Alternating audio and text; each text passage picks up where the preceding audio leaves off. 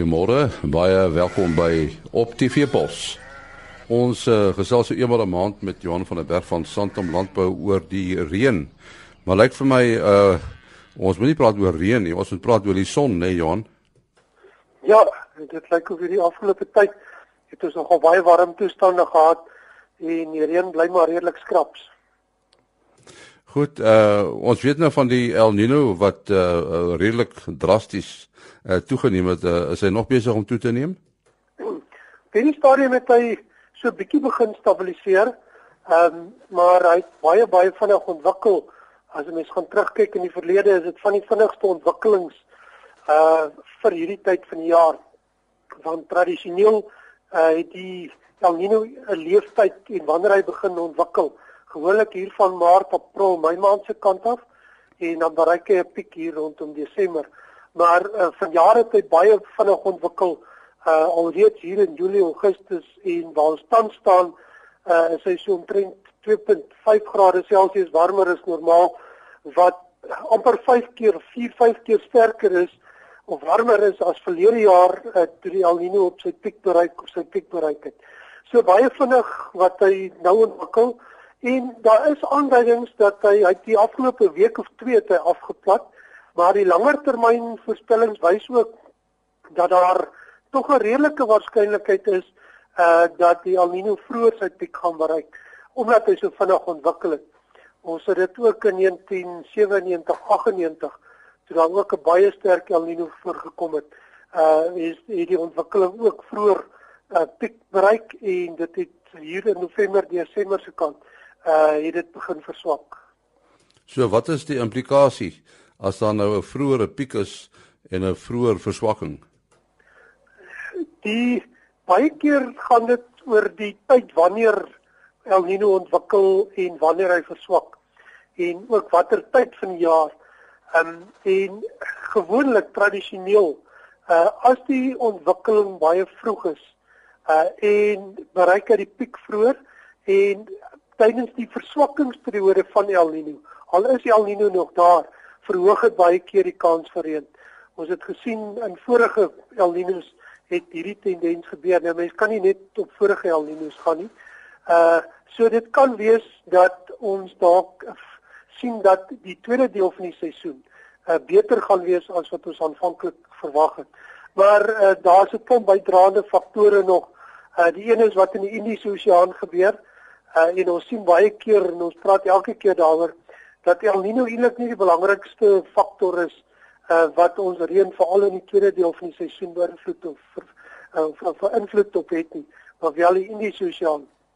En voorspellings wys dat tans is die Indiese Oseaan nog steeds warmer as normaal, uh, wat eintlik negatief is vir reënval, maar is nog vroeg in die seisoen, maar dit lyk of daar 'n redelike skerp uh, afkoeling gaan plaasvind in die Indiese Oseaan hier rondom Desember, Januarie, Februarie.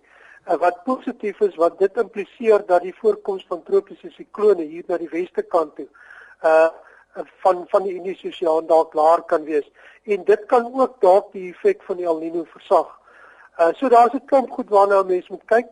Uh die die die onrusbarende ding op hierdie stadium is dat ons baie min grondvog het uh, oor groot gedeeltes. Daar het in Noordwes provinsie so 'n paar weke gelede 'n streepige redelik goeie reën gehad en ander plekke het ook 'n klompie reën gehad.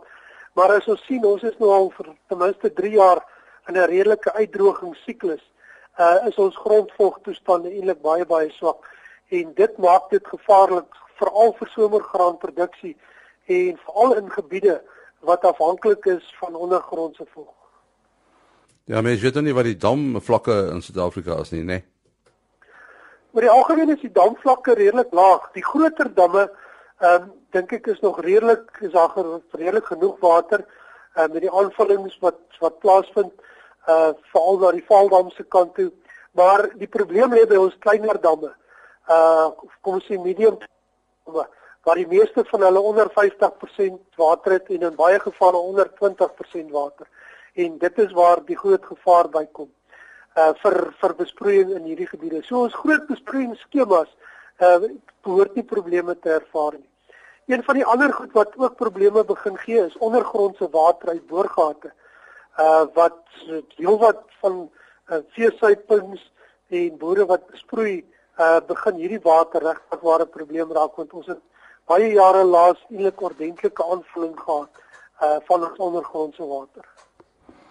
So uh, dit lyk vir my dit is dan so dat die eerste deel van die van die somer gaan in elk geval droog wees. Op hierdie stadium wys van die korttermynvoorspellings uh dat ons nog 'n klompie reën behoort te kry veral na die ooste kant toe. Aanvanklik het die voorspellings vir Oktober redelik goed gelyk.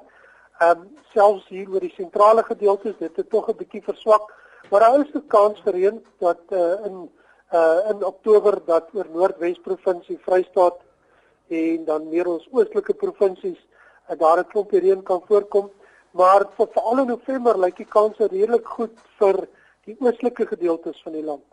Uh miskien minder goed vir die westelike gedeeltes. Ons weet tradisioneel veroorsaak El Niño dat die weste kant van die land baie meer onderhewig en sterker onderhewig is aan 'n hoëdrukstelsel uh wat domineer uit die weste kant en minder uh invloed met na die ooste kant toe. En Johan, uh, wat gebeur uh, daar by die die die sogenaamde tropiese uh, konvergensiegebied? En ja, die storie begin daar al redelik vroeg by mekaar kom uh, wat redelik normaal is. Die probleem is dat ons nog steeds hier met 'n baie sterk hoëdrukstelsel hier uit die weste kant sit uh, wat domineer en wat eintlik veroorsaak dat hier nog nie toestande voorkom wat gunstig is uh vir die voorkoms of dat daardie vog suidwaarts beweeg nie. So dit is dis op hierdie stadium die probleem, maar daar's al redelik vog wat oor gedeeltes van uh, Angola en selfs oor Namibië begin inbeweeg. So dit is redelik positief, maar uh die die hoëdrukstelsel is regtig nog baie sterk dominerend. Ons sien ook hierdie laaste tyd met die hitte wat oor groot gedeeltes voorkom, uh dat dit maar veroorsaak word deur hierdie hoëdrukstelsel. Uh, maar uh, die intertropiese konvergensiesone, daar's redelik baie vog wat daar reeds uh op die regte plekke begin bymekaar kom. Ja, ek dink iets wat mense nie verstaan nie is dat uh die El Niño kom in die Stille Oseaan voor, maar uh ons lê jy weet langs die Atlantiese Oseaan, die Indiese Oseaan, hoe hoe beïnvloed die El Niño dan uh ons moet sê oseaan verder? Mens kan uh dit amper beskou as 'n as 'n koneksie dat die weerstelsels wat oor die oseane is, as aan mekaar gekonnekteer. So as daar op een gebied iets of 'n uh, onderliggend die oseaan word warm, dan ontstaan sterk laagdrukstelsels op daai plek en op ander plekke hoëdrukstelsels en dit het 'n kettingreaksie op ander gedeeltes van die van die uh eintlik globaal en nie net oor die suidelike halfrond nie. So die oseane uh en die landmassas, die weerstelsels wat oor hulle voorkom, uh wat hulle noem daar's telekoneksies tussen hulle. So uh as daar 'n groot verandering uh oor die Stille Oseaan voorkom waar die El Niño is, dan het dit 'n reaksie op die Atlantiese Oseaan en selfs op die Indiese Oseaan uh en die weerstelsels bevind hierdie geoseane.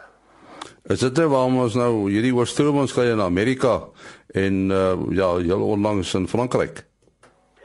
Dit kan deel daarvan wees alhoewel daar 'n klomp faktore ook voorkom daarom, maar uh El Niño het 'n redelike sterk effek globaal.